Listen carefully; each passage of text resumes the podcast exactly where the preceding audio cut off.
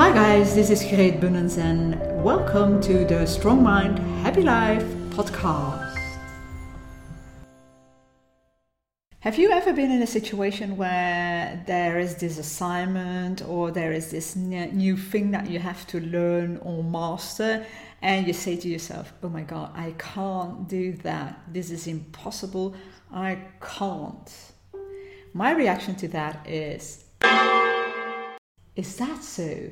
Because maybe you can't do it yet, and that word is so important. I can't do it yet when I started video recording, the first videos were terrible and still there is room for improvement. And at the beginning, I said, Oh my God, I can't do that. I won't ever be able to do that.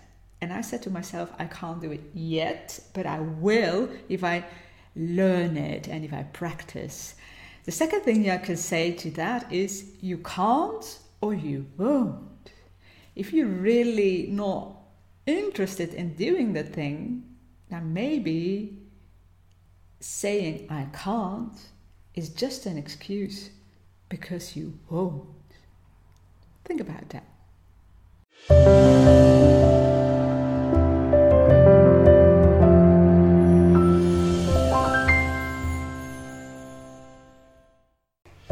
You've been listening to the Strong Mind Happy Life podcast. Please subscribe to this channel.